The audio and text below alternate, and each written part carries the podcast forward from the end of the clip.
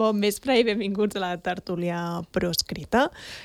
Benvinguts i avui estic acompanyada dels meus clàssics, Salvana Dante Fachin, Josep Costa, que la setmana passada em vau deixar aquí sola al plató. Mm, Sí, Home, sola no estaves, estaves amb els Estava companys de molt redacció. ben amb acompanyada i m'han arribat molt bones crítiques de la, de la tertúlia de la setmana passada. Que no te l'has escoltat. Sí que me l'he escoltat. Ah, ja, Sí ja. que me l'he escoltat. Però vull dir, estic parlant de les crítiques que he rebut. La meva crítica és boníssima, però no té mèrit perquè eh, soc, no sóc objectiu. Jo. Vale, d'acord. Després et farem un test a veure si la vas escoltar o no. Però, si us sembla, comencem amb la tertúlia proscrita.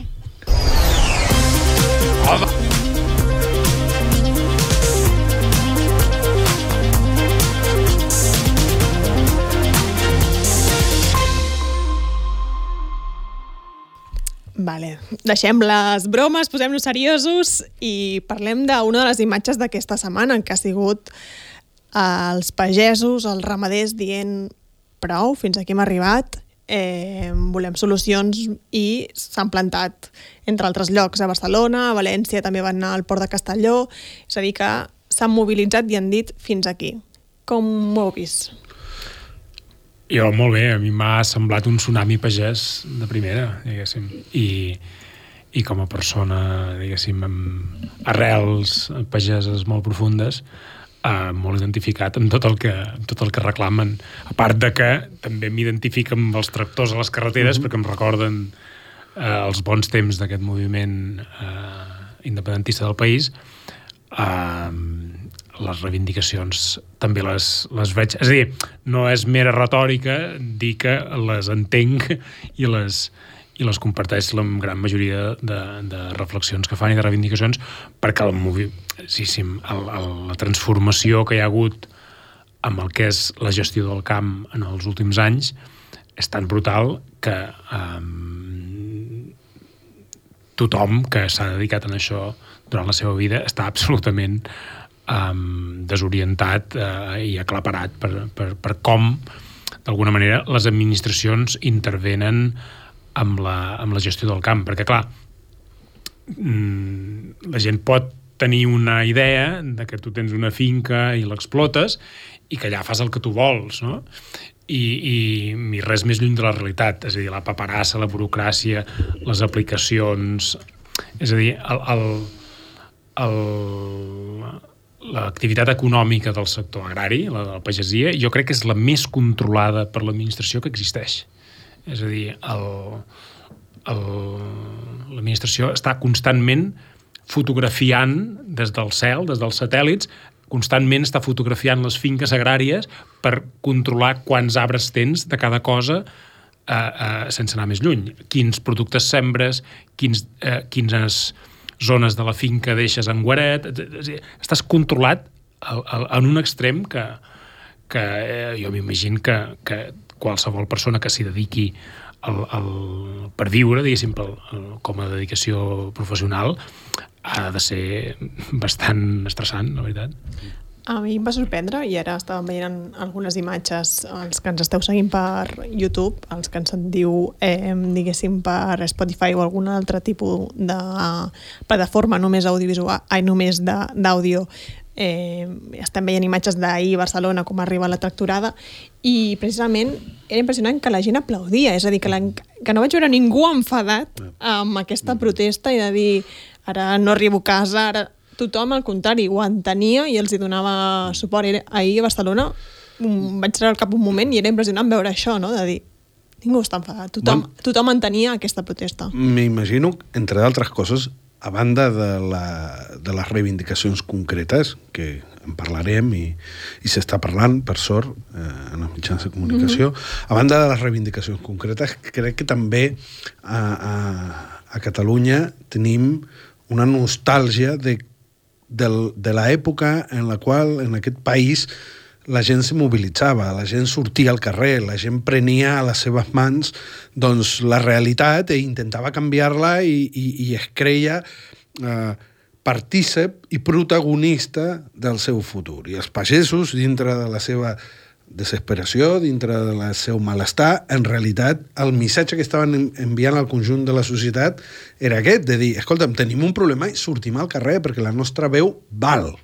no? i després d'una un, època de mobilitzacions tan profundes, on milions de persones ens vam sentir protagonistes del futur del nostre país, veure fa un parell de setmanes parlàvem del cas de les infermeres, no? Mm -hmm. I dels tècnics sanitaris, i dels auxiliars, i de tota la gent de la sanitat que tornava a mobilitzar-se i que tot això, insisteixo, jo crec que a banda de les qüestions concretes, ens tornen a posar sobre la taula un país que existeix, malgrat tot, i que, i que segueix creient que són protagonistes i que hem de ser protagonistes. Davant d'unes administracions que diuen no, això és, és competència de no sé qui, no, no podem fer res, o sí, muntarem una taula per mirar no sé quantos, doncs hi ha un país que planta cara i crec que aquesta, això que tu deies, no? de la gent a Barcelona, però també a les xarxes, d'aquesta no només comprensió, sinó alegria.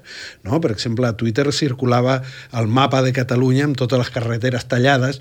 En qualsevol país del món la gent estaria cabrejada i aquí havia, diguéssim, una sensació de dir, sabeu quin mapa vull dir, no? Havia un mapa sí. que corria sí. i que es parlava que si el control del territori, etc etc aquests, as, aquesta manera d'assajar, aquesta manera de, de provar, d'exercir de, el múscul democràtic, jo crec que ens fa feliços a tots. I ara parlem de les qüestions concretes i sectorials, eh? però crec que és una grandíssima notícia veure com... Perquè, a més, jo eh, tinc l'esperança i crec que al llarg de la història ha passat. Eh, això es contagia. De la mateixa manera que es contagia i s'encomana la por, s'encomana el desànim, també s'encomana les ganes de lluitar, també s'encomanen les ganes de mobilitzar-se. Ah, quan un sector veu que l'altre sector està treballant, pues, eh, sent que potser ells també s'han de moure, jo crec que és una gran notícia. no parlava de les reivindicacions, doncs ahir des de Vilaweb vam sortir al carrer i els hi vam preguntar i ens van respondre això. O sigui, les idees són molt clares. Fins que no arribem a un acord, d'aquí no marxem. Uh, estem uh, cremats de, de, de, la, de la política que ens estan aplicant a través d'Europa, des d'Espanya i després Catalunya. Que, que ens escoltin, que el, el camp té un problema i les nostres propostes crec que són bones i són molt entenedores, perquè el poble de Barcelona avui mateix està en nosaltres. Ens aplaudia quan passàvem pel carrer. Nois, teniu raó, ja n'hi ha prou, es deien, ja n'hi ha prou, aquests polítics no entenen res. Això és un moviment que és lliure, o sigui, això no s'ha creat a través de sindicats, vale? els sindicats s'han sumat després, però això és un moviment que ha nascut de la Unió dels Pagesos. I només tenim que burocràcia, eh, cada dia semblem els, els delinqüents de tot. Preus justos i el que toca per la feina que es fa, que n'hi ha molta.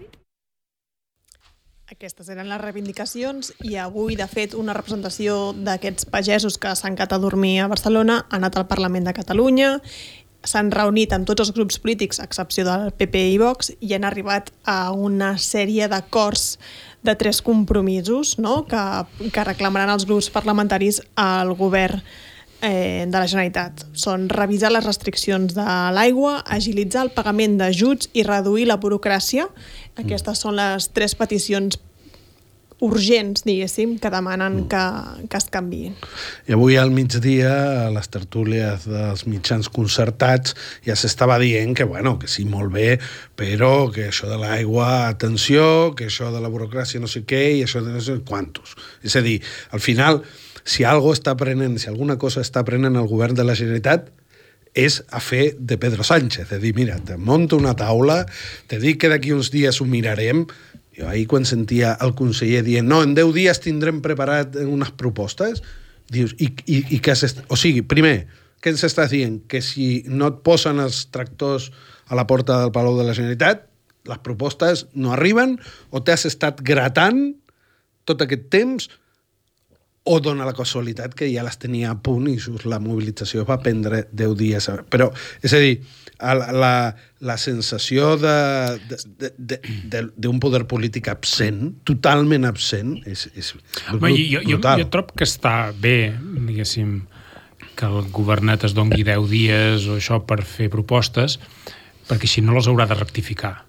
És dir, perquè clar, si, si fas propostes i, i així una mica apressurades després les has de rectificar, que és el bueno, que passa però, però que en teoria una, una conselleria en teoria ja hauria d'estar fent les propostes des del dia no, no. que va assumir, clar, no? Sí, sí, clar, en teoria.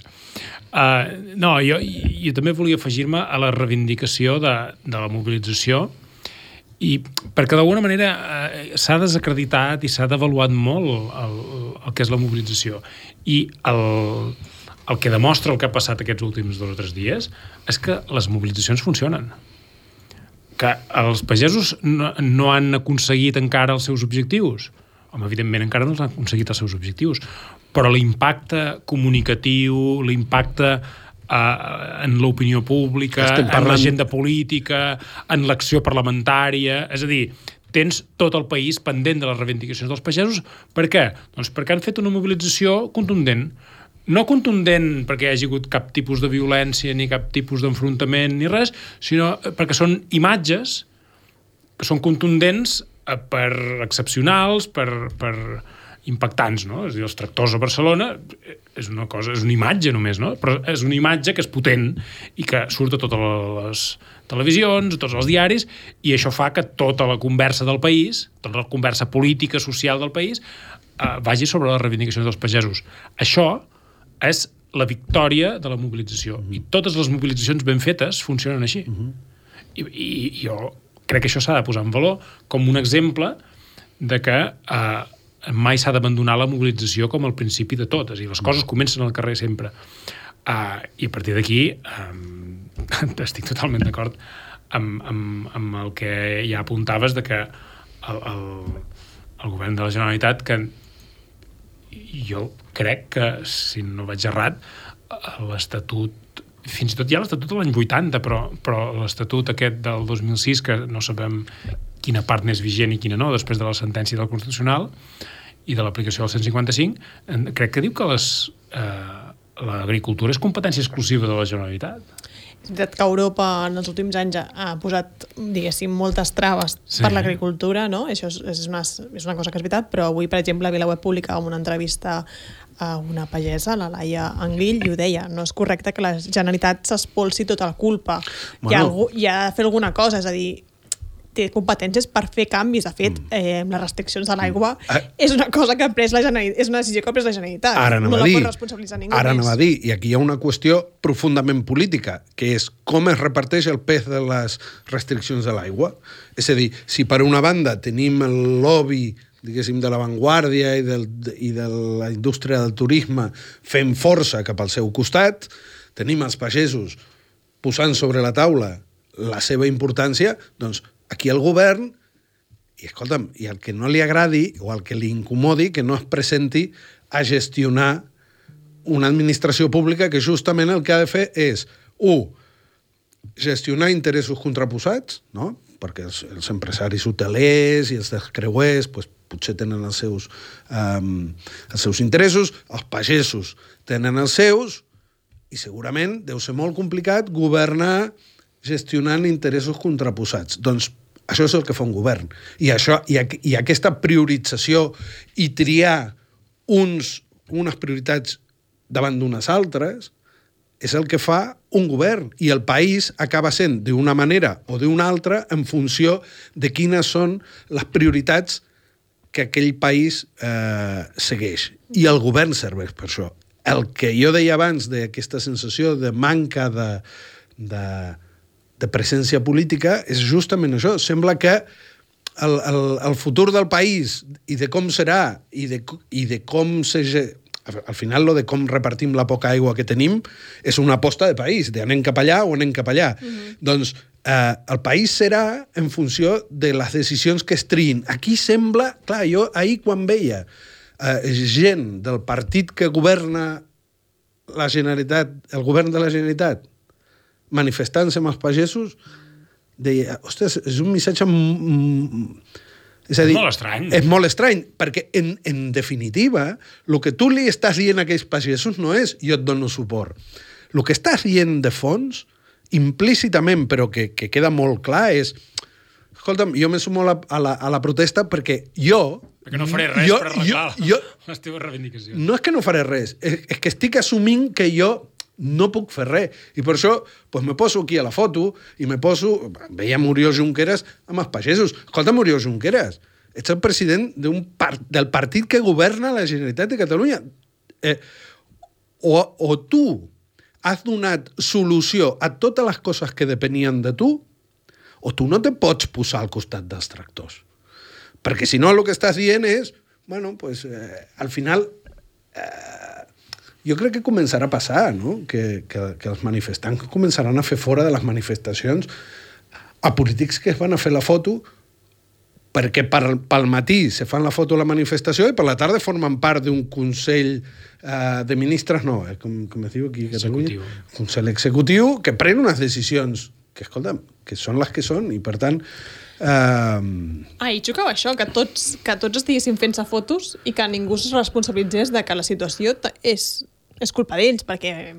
parlem- Llavors, què parlem tenim- què tenim, però- un govern- Sí, Però sí. Junts formava part del govern quan es van prendre aquestes decisions, eh, no, no dic de l'aigua, eh, però Mm. la situació de la pagesia no és nova d'ara, diguéssim. El, fins i tot el PSC n'és responsable, no?, amb Bueno, decisions que pren per, pel PSOE. I, a. I avui, avui els pagesos han anat al Parlament de Catalunya i ha passat el que passa tantíssimes vegades, que tots els grups parlamentaris eh, reben els manifestants, ja siguin infermeres, ja siguin pagesos, ja siguin afectats per la talidomida, i tothom està d'acord, tothom els rep, tothom se compromet a posar una... Eh, una proposició de llei, una, de, una Sí. proposició no de llei o una moció, com és el que diu el Parlament? Una, un, sí, una, Una resolució una resolució una parlamentària. Mm. És, és a dir, això també contribueix a la devaluació de la democràcia, perquè al final, escolta'm, com pot ser que avui els pagesos vagin a fer una sèrie de demandes i tots els grups parlamentaris els hi donin la raó. Escolta, doncs llavors tenim majoria absoluta per fer allò que puguem fer dintre de les competències. És un paripé, i aquest paripé devalua el valor de la democràcia i el valor de les institucions. Quan jo escolto a tots aquests eh, que abandonen Twitter perquè Twitter eh, són uns hiperventilats i, i, i dic, eh, sou vosaltres els que devalueu i el que convertiu les institucions i el poder polític i la relació entre els ci- ciutadans i les administracions en un fake. No? I, Bueno, i, al final- i, me, i més encara en, en la situació que tenim a Catalunya on eh, efectivament al final, i jo crec que en aquest aparent consens de que tothom es vol fer la foto amb els pagesos, de que tothom aplaudeix, de que tothom ho veu bé, de que tothom i quanta raó que tenen, um, hi ha una part de presa de pèl. És a dir, hem de ser conscients d'això. I qualsevol mobilització que té suport popular i que té simpatia de la gent, ningú s'hi posa en contra, però si és això, si et venen a fer-se la foto amb tu i tots són toquets a l'esquena i tot això, uh, bé, pot ser que t'estiguin enredant i t'estiguin prenent el pèl i al final pot ser que te'n vagis a casa amb les mans buides. I això és un risc. Uh, jo crec que una certa operació de, mm, diguéssim, d'ensabonamenta uh, per després tirar la pilota endavant i bueno, bueno, bueno, bueno, bueno uh, això està passant també. De totes maneres, jo crec que la bona notícia, i, i m'agradaria posar-ho sobre... que Primer, que cada cop funciona menys, és a dir, que potser fa uns anys que el Parlament te revés i fes una moció i una d'allò, doncs, uh, a la gent la deixava com satisfeta. Per sort, això cada cop funciona més, i em sembla que en el cas de, de la pagesia, això els dur, no els hi durarà ni els 10 dies que ha demanat el conseller, perquè eh, si mirem a les xarxes socials, per exemple, veiem que hi ha un, una gent molt conscienciada, hi ha una gent molt jove eh, que està implicada, que per tant no crec que es deixin prendre gaire el pèl, eh, tot i que ho intentaran, eh? el copet a l'esquena vindrà, però a mi sóc optimista en el sentit de que, de que ha, per lo que es veu, per exemple, aquesta entrevista que publicàveu eh, amb la Laia Grill, no? Un, una noia jove eh, que tu llegies l'entrevista i dius, ostres, coneix, coneix de què està parlant, eh, hi, ha, hi ha una intencionalitat política jo què sé, jo segueixo a Twitter a tot i el xai ecològic, segueixo el tractor rosa, els pagesos GPS, l'Imma Puigcorbé, és a dir, hi ha tota una sèrie de gent que porta temps, que no és que han sortit aquesta setmana, una, una sèrie de gent, a més a més gent jove, no? tant que es parla en el tema de la pagesia, del relleu i tal, hi ha una gent jove, polititzada, que, que, que, que no crec que es deixi enredar així com així, i jo recomano vull dir, la gent que ens escolta, que segueixi aquesta gent jove que està en el territori, que, que, que fan de pagesos, però que a més a més pensen eh, eh, en clau de país i que, i que crec que el govern ho té francament difícil per enganyar aquesta gent, perquè aquesta gent... Eh... Sí, jo crec que aquesta lluna de mel s'acabarà aviat. És a dir, aquesta lluna de mel entre tothom i els pagesos s'acabarà aviat quan es demostri, que jo crec que es demostrarà, que la problemàtica de la pagesia és profunda i no és tan fàcil d'arreglar com, eh, diguéssim, dir sí, sí, sí, eliminarem la burocràcia, mm. us ajudarem amb això i amb allò. És dir, hi ha un problema molt profund de tot el sistema eh, de producció agrícola, de tot el sistema de subvencions, que és... La gent... Jo, jo crec que ningú que no sigui un pagès que sigui, o que sigui una gestoria d'una empresa agrària o ramadera, no sap fins a quin punt, quan els pagesos es queixen de la burocràcia, tenen raó. És a dir, que uh, uh, no hi ha cap sector, jo estic segur, eh, no existeix cap sector econòmic en el món que sigui tan burocratitzat i tan intervingut per la paperassa com la pagesia ara mateix. I això, no, això tu, tu pots imaginar, perquè et diuen, oh, és que hi ha massa burocràcia, no, però és que si no ho has vist, no n'ets conscient. I, i, és, i és, és fins a un punt surrealista, perquè dius, home, al final el pagès ha de sembrar, ha de cuidar els animals, els ha de donar ha de menjar, ha de beure i cuidar-se de la meteorologia, de les estacions, de, de, de la climatologia, tot això, i, i, i més o menys des de fa uns quants milers d'anys tots sabem produir, tots sabem en cada finca, en cada tipus de terra que hi podem sembrar, què hi creix, què no hi creix, què, què, què dona fruit i què no dona fruit en cada lloc, més o menys tot això és sabidoria popular. Però és que ara, tot plegat, ha agafat una dimensió intervencionista, eh, burocratitzada i, bueno, i tot el sistema de subvencions, etc que no té res a veure l'activitat agrícola d'avui amb la de fa 50 mm. anys. Jo volia dir, perdó, una, una qüestió, ara que has dit lo de les subvencions, i és veritat, i aquí, aquí hi ha una altra, una altra qüestió en les que ens poden moure la boleta, és veritat que no tot el que passa al camp està en mans del poder polític de la Generalitat, uh -huh. ni tan sols de l'Estat, és a dir, hi ha una estructura político-administrativa econòmica, que és la, la Unió Europea, que també intervé. Jo crec que també és una oportunitat magnífica d'obrir el debat sobre la Unió Europea com a, com a element, eh, com, a, com, a ente, com a ens polític és a dir, per qui està treballant la Unió Europea? Està treballant pels pagesos? Està treballant per la Nestlé? Està treballant per la Danone? Per qui està treballant? Perquè de la mateixa manera que la Unió Europea com a artefacte polític en moltíssimes ocasions. Ha treballat pel lobby energètic, ha, ha treballat pel lobby automobilístic, que no precisament pensant en els interessos de la ciutadania, sinó els grans interessos de les grans corporacions econòmiques, en l'àmbit de la pagesia també. I aquí voldria dir una qüestió, i, i insisteixo, hi ha moltíssims factors, tots intervenen, però quan parlem de, la, de les subvencions, abans, abans parlaves de...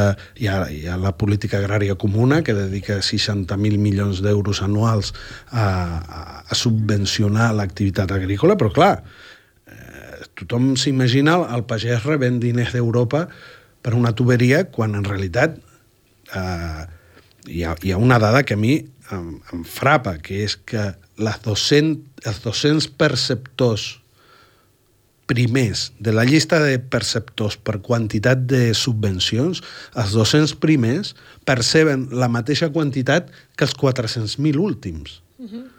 Ho dic ho dic, i això, això és publicat a l'any 2013, ara no, no sé com, però jo vaig mirar els informes de l'any 2013, els 200 primers a percebre perceben el mateix, i ho repeteixo, que els 400.000 últims. És a dir, la manera de... Ho dic també perquè també s'està parlant molt de les subvencions. Ai, no, és que mira, han subvencionat aquesta, aquesta família, li, li paguen el lloguer i no sé què. Que estem aquí barallant-nos per quatre engrunes i aquí hi ha un desfalc i això també té a veure amb els mitjans de comunicació, perquè, clar, quan tu llegeixes quines empreses reben milions i milions d'euros, hi ha Gallo, Nutrexpa, Nestlé, Campofrío, Pascual, Gallina Blanca, Codorniu, Puleva... Quin és el mitjà de comunicació que té el valor de sortir a dir i a explicar com aquestes grans corporacions amb beneficis multimilionaris estan rebent ajudes pagades amb els diners dels nostres impostos. Quants mitjans de comunicació es poden permetre parlar en contra de Gallo, de Nestlé, de Nutrexpa, de Campofrío, de Pascual, de Gallina Blanca, de Codorniu i de Puleva? Això també ens ho hem de preguntar, perquè quan, quan veiem els pagesos manifestant-se sembla que les coses cauen del cel. No, les coses no cauen del cel i la complicitat dels mitjans de comunicació també es veu, perquè al final, si estem parlant de, de, de segons quines coses i no de segons quines altres, per això estic d'acord amb el Josep que la força dels pagesos al carrer ens obliguen a parlar d'un munt de coses que, que crec que són molt importants. Escolta'm, ens estem barallant per segons què quan els nostres impostos estan servint per augmentar la compta de beneficis, per no parlar del paper de Mercadona, del paper de les grans distribucions. És a dir, el bo del sector primari és que quan es mou, tots els altres... Per això potser és primari per això, perquè està en una, a la base de tot i quan comences a moure què passa allà baix, tot l'altre queda en evidència. També, també ara que parlaves això del, de... Estaves parlant, eh, de les grans... Mm, ara em sortirà el nom. Corporacions. Corporacions, això, gràcies. També fer una... dir, tots tenim alguna a fer respecte a això de la pagesia. És a dir, si tots acabem comprant al Mercadona, eh, també fem més pobres aquests pagesos, per tant, anem als mercats, eh, anem al comerç de proximitat i també, d'alguna manera, nosaltres també està a les nostres mans canviar certes coses, eh, pagar un preu just pel que estem menjant, per exemple, no? Vull dir que no tot eh, depèn de la Generalitat. Crec que els pagesos també ens estan interpel·lant a cadascun de nosaltres a dir eh, estem en una situació greu i si voleu continuar menjant eh, també heu de pagar més segurament vosaltres i heu de venir a buscar aquest, aquest producte de proximitat que, que està deixant-se de comprar i de tenir-lo en compte. Anant més enllà, diguéssim, perquè estic, estic d'acord amb, amb, amb això que deies, clar, és que el, el problema és que el sector agrícola i de l'alimentació, si alguna cosa eh, no té, és un lliure mercat. És a dir, està absolutament intervingut de dalt a baix a, a, per, per l'administració per una banda, després per les grans distribuïdores, pels oligopolis de, de, de comercials, etc etc i per les grans empreses, i, es, i, i efectivament acaba sent tot tot un contrasentit a la, a la quantitat de milions i milions que es dediquen a, a, a, als, a les grans empreses que van als seus beneficis i després el pagès que té una explotació familiar eh, li demanen fer eh, una paperassa immensa per 25 tipus de línies de subvencions eh, eh, que al final li acaben pagant eh, 253 euros després de 3 dies de fer papers. Mm. Eh, és a dir, això, eh, perquè, perquè no té cap sentit, des del meu punt de vista, o algú m'ho hauria d'explicar d'una manera que jo ho entengui perquè no ho entenc, és com eh, tu pagues un tant per hectàrea d'una subvenció europea, no, de la política agrària comú, un tant per hectàrea de, de producció del que sigui. Um, però, però amb unes condicions molt concretes, que favorint sempre les grans explotacions. Perquè et diuen, no, tu has de tenir explotacions, uh, diguéssim, uh, homogènies. És dir, tu has de tenir una explotació uh, de tarongers, o has de tenir una explotació de presseguers, o has de tenir una explotació uh, de garrovers. No pots tenir una diversitat de, de, d'arbres o, de, o de produccions, no? perquè mm, tu, això et penalitza a l'hora de tenir qualsevol tipus d'ajuda. Per tant, afavoreix a les grans explotacions dels grans terratinents, etc etc. I, i, el, i el, que, el que al final acaba sent és absolutament regressiu. És a dir, estàs subvencionant la gent rica, estàs subvencionant els terratinents, estàs subvencionant les grans empreses i estàs putejant els pagesos i les eh, famílies. Ara que deies, jo abans he dit els noms de, de les empreses, però és que si la, les famílies més subvencionades eh, d'Espanya, a l'estat espanyol, de les 200 famílies més riques de l'estat espanyol, 60 perceben ajuts de la política agrària comuna. La, els Mora Figueroa, els Domecq, Perquè és- Hernández Barrera, els gra, aqu aquests grans... Perquè es paga estrictament per hectàrees. Es paga Clar. estrictament pels arbres que tens, per les produccions que tens i per les hectàrees que tens. Per tant, com més ric és, més Clar. cobres. Bueno, a més, I, i, aquest és el contrasentit. I- I... Jo conec gent, famílies, gent humil que té una, una explotació de supervivència, que han deixat de fer la paperassa de cobrar la, les subvencions de la PAC, de la Política Agrària Comuna, que no els surt a compte. Diu, són tants de controls, tantes inspeccions, tantes coses que hem de justificar i tantes coses que no podem fer per cobrar 250 euros que ah, dius, a cagar la via. Jo, I, a, I els Domecq se'n porten milions cada any. i, i, la i tens, d'Alba... Ah, exacte, i Ara- tens, dius, jo tenc, faig una petita producció d'oli ecològic, eh, però ja m'he desentès de la certificació del Consell Regulador de l'Agricultura Ecològica, perquè és tota una paperassa i és un mal de cap constant. I jo faig l'oli ecològic, però ja no vull el certificat, ja no vull l'etiqueta, perquè no em surt de compte. Torno enrere un moment perquè mm, se m'havia passat. Jo deia, és veritat, totes aquestes qüestions que estem parlant, escolta'm, per més que siguis el president de la Generalitat més sensible amb la pagesia, certament la capacitat d'intervenir en la manera en què es reparteixen la, els fons europeus eh, agraris deu ser molt poca, és a dir, per més que siguis el president més guai de, de la vida. Ara bé, que no depengui de tu no vol dir que políticament tu no tinguis marge d'acció.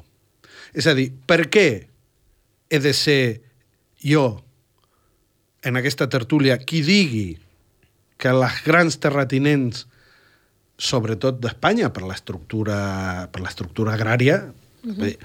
per què no tenim un president de la Generalitat que digui mira, jo no puc um, canviar la manera en què es reparteix uh, la PAC però jo sí que puc convidar els ciutadans del meu país a reflexionar sobre per què la PAC li està donant diners a Nestlé mentre els nostres pagesos ho passen malament.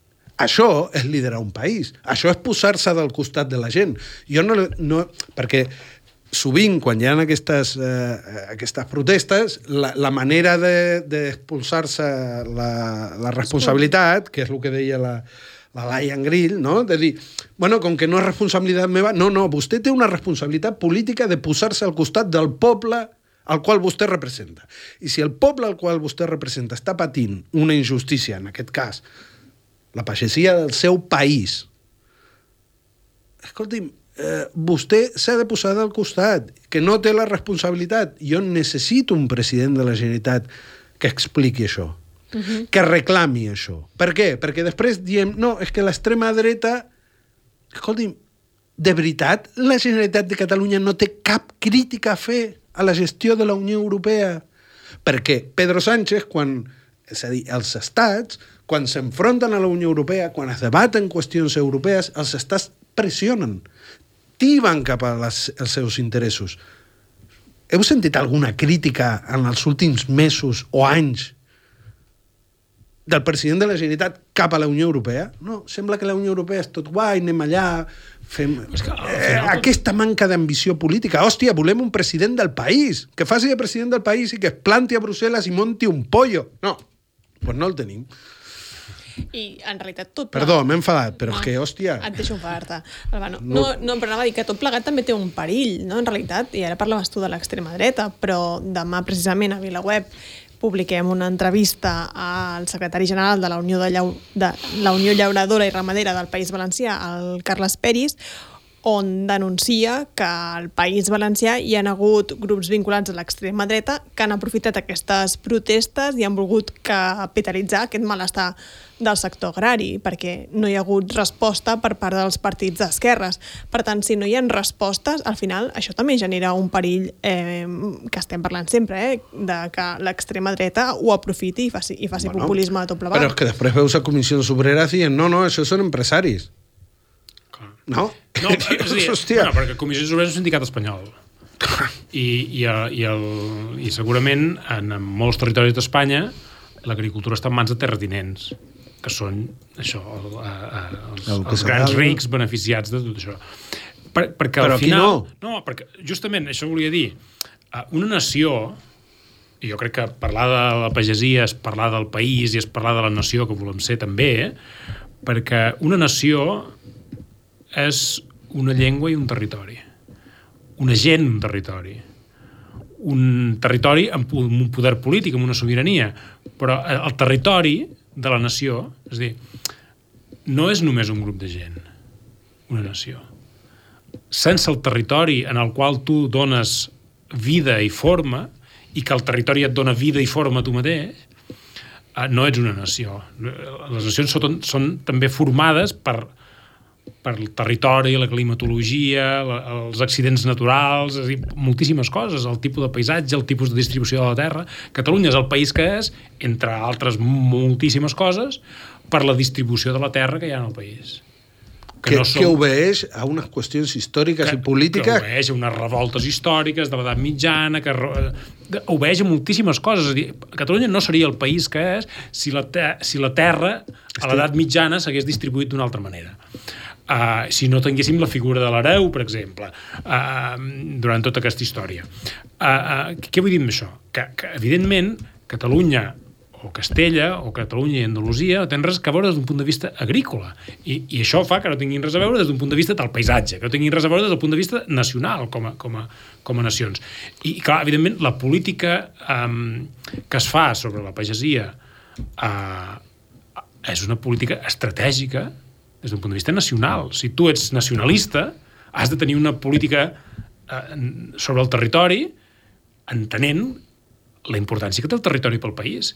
I els pagesos tenen no hi ha la funció, que avui se n'ha parlat molt en, en, en això de les mobilitzacions, el tema de la producció eh, d'aliments. Però és que, evidentment, eh, veure, si imposes en un extrem, eh, si els, els pagesos de Catalunya, només els pagesos de Catalunya desapareixen i deixen de produir aliments, nosaltres normalment podríem menjar del que es produeix a un altre lloc però Catalunya deixaria d'existir com a país, yeah. tal com és ara.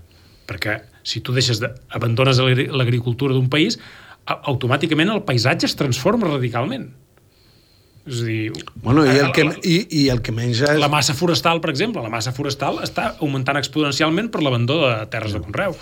Això crea riscos d'incendis, canvia el paisatge... Bueno, I la cultura gastronòmica, la cultura i, gastronòmica, i, i l'herència... El...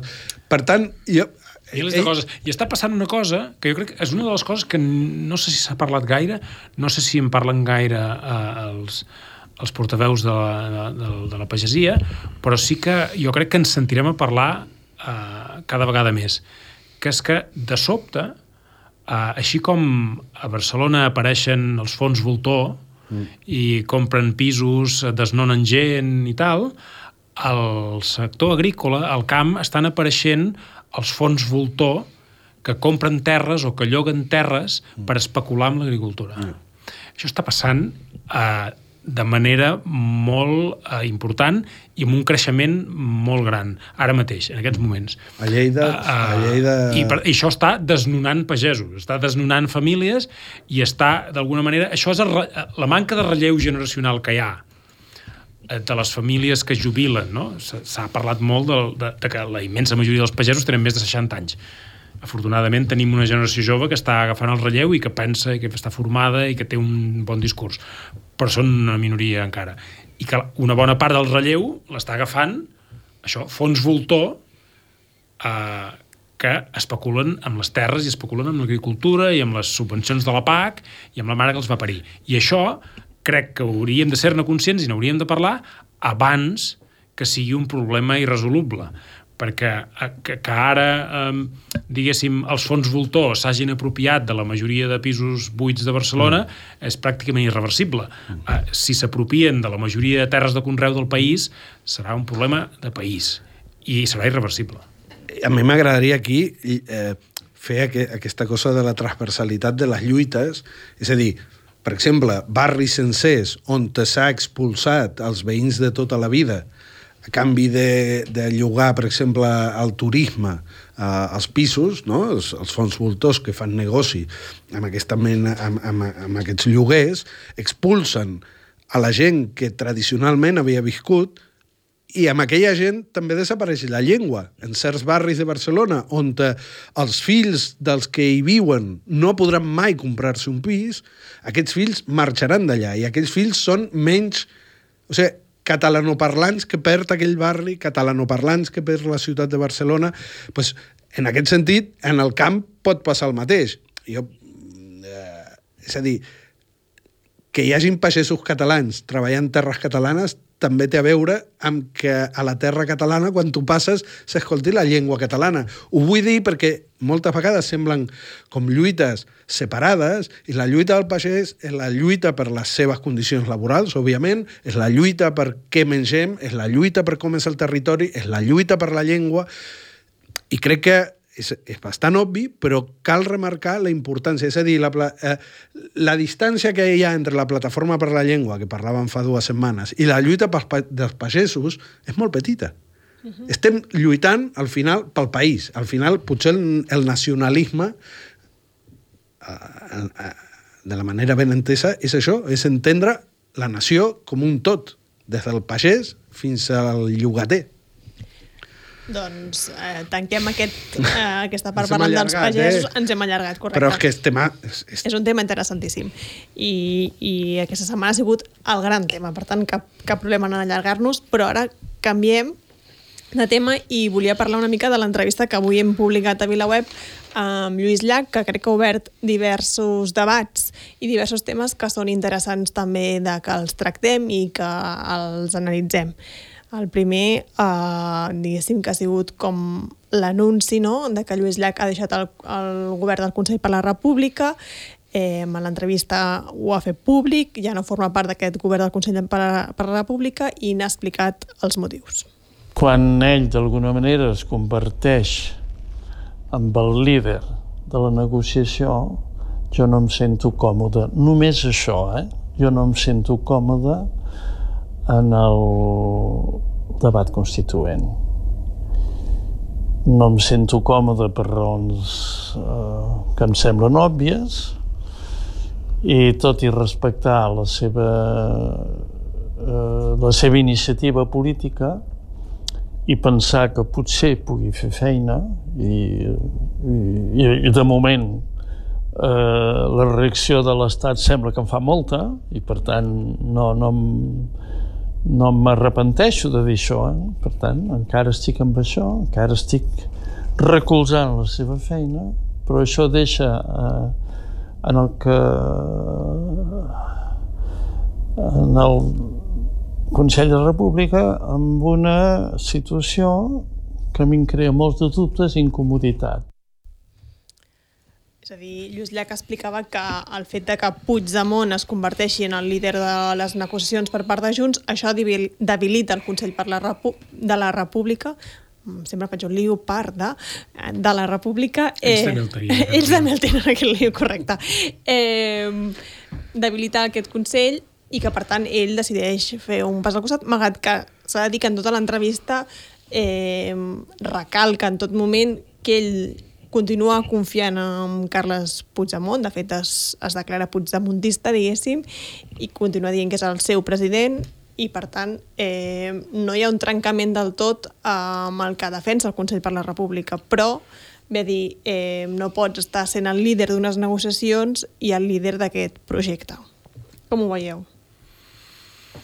Jo crec que, bueno, no sé si el volem convidar, podríem haver-lo convidat en el Lluís aquí ah, a la tertúlia, però igual hauria estat una mica eh, eh, donar-nos la raó tots els uns als altres i seria una mica monòtona la, la tertúlia. Estic d'acord amb, el que, amb el que diu jo. En, eh, eh, crec que un dels efectes perniciosos de que eh, Puigdemont hagi abraçat eh, la negociació amb, amb el PSOE és que el, el Consell de la República ha quedat fora de joc, no? I, i queda fora de joc eh, sense anar més lluny eh, quan hi ha una consulta interna eh, la gran majoria dels eh, participants en aquesta consulta, que són la gran minoria dels inscrits, eh, voten en contra de la investidura d'en Pedro Sánchez i eh, eh, els principals responsables, el president i el vicepresident del Consell de la República, diuen que molt bé, però que investeixen en Pedro Sánchez. Um, clar, jo no sé... Uh, té tota la raó en, en, en Lluís, quan jo supos que ell, crec que no, no en parla de la consulta aquesta mm, de la consulta aquesta que hi va haver entre els inscrits, però, no. però si tu estàs en el govern del Consell de la República, com estava en Lluís, eh, i et creus el mecanisme i et creus l'organització, si fas una consulta, perquè tens un mecanisme de consultes internes i hi ha un resultat, has de ser coherent amb aquest resultat. Jo crec que aquí, en final, el, el que és coherent és en, és en Lluís Llach, que diu, bueno, si jo no puc defensar allò que els inscrits han decidit en una consulta que hem de defensar, me'n vaig d'aquí. I, i, I com deies, això, el, el Consell ja va saltar pels aires eh, l'Assemblea de Representants, no? i veurem l'Assemblea de Representants que la van elegir eh, no sé si prop de 25.000 persones amb, amb, una, amb unes eleccions eh, inèdites. Eh, veurem les pròximes convocatòries electorals que hi hagi internes del Consell de la República, quanta gent hi participa? Està tocat de mort el Consell? Mm, mira, jo no, no hi entenc gaire. Jo tinc el, el carnet aquell vermell de bambú, uh -huh. el tinc allà guardat i em va fer molta il·lusió demanar-ho i rebre'l i tenir-ho i, i sé que hi ha molta gent allà dintre que, que canalitza a través d'aquesta... Bueno, de fet, hem anat amb en Josep a moltes xerrades que va organitzar la gent que a peu de, que a peu de carrer doncs, ha agafat aquesta eina. He de dir també que, ara que dius això de les xerrades, l'última xerrada que jo vaig fer, crec recordar, amb un Consell Local de la República, em vaig trobar amb la sorpresa, perquè no en tenia ni idea, no en sabia res, que eh, en acabar la meva xerrada que havien organitzat el Consell Local de la República, van llegir un comunicat en què es, es dissolia la Junta d'aquell Consell, perquè no, no estaven d'acord amb el, amb el que s'estava fent i amb el que estava, la deriva que estava agafant el Consell. Per tant, això té conseqüències i tot, tot té conseqüències. Jo no sé, no, de veritat que no el conec internament, més enllà de tenir el carnet i, i haver anat a xerrades que al final és el que passa, per exemple, amb, amb el Consell de la República, amb l'ANC i amb el que vulguis, que a peu de carrer hi ha gent que al voltant d'aquests noms s'organitza i treballa, i moltes vegades són els mateixos, a tot arreu, no? perquè al final la, la, la força és la gent que fa coses. Com a institució, com a cosa, sembla ser que no té, no té gaire recorregut, però no, no ho conec. De totes maneres, del, del, no sé si ara he de canvio massa d'enfoc, de, de, però uh, m'ha agradat molt de l'entrevista. És a dir, uh, en Lluís es pot equivocar o no en algunes coses, podem estar d'acord o no, però sempre que l'escoltes parlar, se l'escolta parlar lliurement, no? I jo crec que és, sempre és important poder parlar lliurement de coses en les quals un ha posat moltíssim esforç i dedicació i que després diu, ostres, pues, això potser no està funcionant com jo creia. I tampoc és cap drama. Moltes vegades hem parlat en les xerrades, no? quan hem dit, escolta'm, hem de provar coses, i moltes de les coses que provem, manifestacions, maneres d'organitzar-nos, doncs algunes funcionaran i altres no. Això no vol dir ni que, ni que s'acaba tot, senzillament que cal anar provant. Eh, l'exemple d'Arenys de Munt, bueno, podria haver sortit malament i podríem podria no recordar-se ningú de quatre que van fer... Hi ha coses que funcionen i hi ha coses que no, però jo crec que totes compleixen o, o tenen per aportar que és un lloc on trobar-se, un lloc on fer coses. I tot el que s'hagi fet, sobretot a peu de carrer, al voltant d'aquesta idea de Consell de la República per la República i tal, jo crec que és eh, experiència guanyada. Ara bé, sí que és veritat eh, quan mires cap amunt i aquesta incomoditat que, que, que diu en, en Lluís, doncs és una incomoditat evident. I volia, volia fer un... Convido a tota la gent que llegeixi l'entrevista sencera, però a mi hi ha un punt que m'ha encantat. Hi ha un moment que en, en Lluís Llach, en l'entrevista, explica eh, l'experiència que va tenir quan va conèixer en Josep Tarradellas.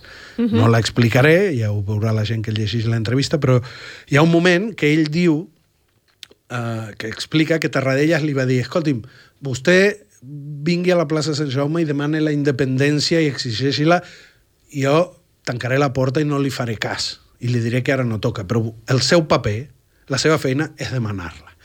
I quan estava llegint això, m'han recordat d'una cosa que sempre explica la Maria Àngels Castells, um, de Roosevelt, Roosevelt reunint-se amb els sindicats i després de que els sindicats li expliquessin tota la seva problemàtica, Roosevelt s'hi va dir, ostres, doncs estic molt d'acord amb vosaltres. Ara el que he hagut de fer és sortir al carrer i obligar-me a que jo faci tot això que m'esteu demanant. En el cas de Tarradellas, en el cas de Roosevelt, eh, es posa de manifest una qüestió que crec que el nostre govern oblida, que és la gent ha de tibar i la gent tibant al carrer, si vols, si penses en el país, ha de ser una oportunitat per tu. Que la gent surti al carrer i que t'obligui a fer això que tu voldries fer i no pots, és una oportunitat i com a tal ho hauries de, de rebre. Si estàs pensant en el país, si estàs pensant en el partit, la qüestió canvia. I llavors veus les manifestacions de les infermeres o dels pagesos com una amenaça no pel país, pel teu partit. I quan en, quan en Lluís explicava això d'en Tarradellas dient, escolta'm, tu has de demanar la independència, o Roosevelt dient, sortiu al carrer i obligueu-me, doncs eh, és una cosa que hem dit moltes vegades en aquesta tertúlia, que és, escolta'm, mm, la nostra obligació és dir allò, és anar a l'arrel, ser radicals, no? I, per exemple, i crec que ja no queda gaire temps, però en l'entrevista en Lluís parla de l'amnistia. I és radical. I diu, no, i crec en l'amnistia. No es pot aprovar aquesta amnistia. Aquesta amnistia és un tret al peu. Uh, és ser radical? Sí, pues és que hi ha d'haver gent que sigui radical, perquè és que si no, tot tendeix a que les coses segueixin com són. I com que doncs l'Alvaro diu que Lluís Llach parla de l'amnistia i Lluís Llach deia això sobre l'amnistia. Jo em considero sota un cop d'estat. Sí, considero que estic sota un cop d'estat. En, en el segle XXI sembla que els cops d'estat ja no és necessari que els facin els militars, sinó que els fan els juristes. I aquest cop d'estat eh, implica precisament no donar l'amnistia. No la tindrem i a mi el que em faria vergonya és acceptar una amnistia que no amnistiés l'últim dels militants que es varen manifestar pels nostres indultats i els nostres possibles amnistiats. Això seria el final, l'abisme.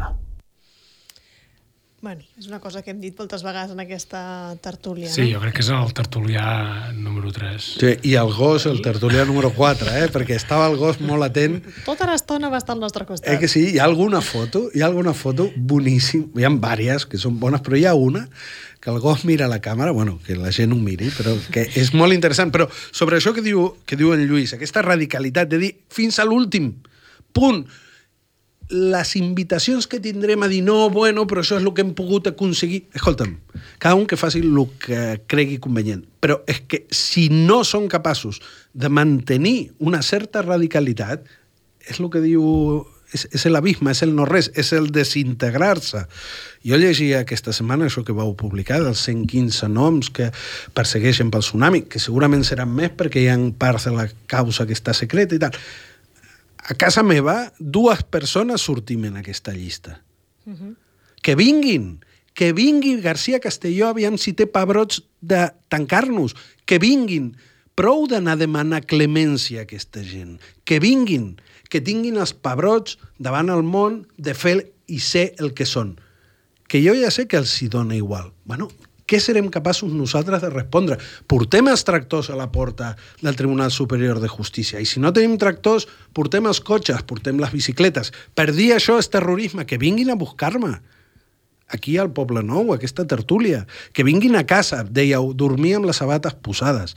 De veritat, aprovarem una, tertu una, una, una amnistia que blanquegi de cara al món no? En Espanya no es persegueix a la gent, mentre ens continuen perseguint i mentre hem de dormir amb les sabates posades sense saber si el dia de demà un desgraciat com García Castellón ens vindrà a buscar a casa i de veritat hem d'acotar el cap, que l'acotin ells. I sí, aprovar aquesta amnistia, que a mi no em treurà ni un sol... Eh, no treurà el meu nom d'aquesta llista, que aquesta llista mentre siguem part de l'estat espanyol, continuarà viva i continuarà creixent, a més. Eh, aprovaran això, que ho aprovin, però llavors són còmplices jo no diré de García Castellón, però de, de ser uns, de ser uns uh, cerebrats, perquè I no, tot no hi ha cas- una altra paraula. I, evidentment, això ara té el nom de García Castellón, però jo crec que l'altra notícia que ha passat aquesta setmana és que la immensa majoria dels fiscals del Tribunal Suprem han dit no, no, no, això no és un boig que va per lliure, que es diu García Castellón. Nosaltres estem amb ell, l'Estat està amb ell, el Tribunal Suprem pensa el mateix que ell. Per tant, escolti'm, això és seriós No és un boig. no és un boig. No, no, que no, se, que no se'ns vengui, que no se'ns intenti enredar, que això és un problema d'un jutge prevaricador, que va per lliure... No, no, no, no. no. Això és l'Estat, això són els amos de l'Estat. I els pactes amb els masovers, com va dir Puigdemont, no perjudiquen els amos. Els amos segueixen manant. Això és el que passa. I últim vídeo, perquè ens queden dos minuts, però Lluís Llach també parlava de la llista cívica que impulsa l'Assemblea i es mostrava contrari. Estimo molt l'Assemblea com perquè es converteixi en un anexe d'un futur eh, d'una futura opció política.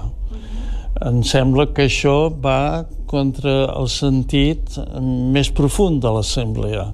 Jo no estic contra una quarta llista, eh?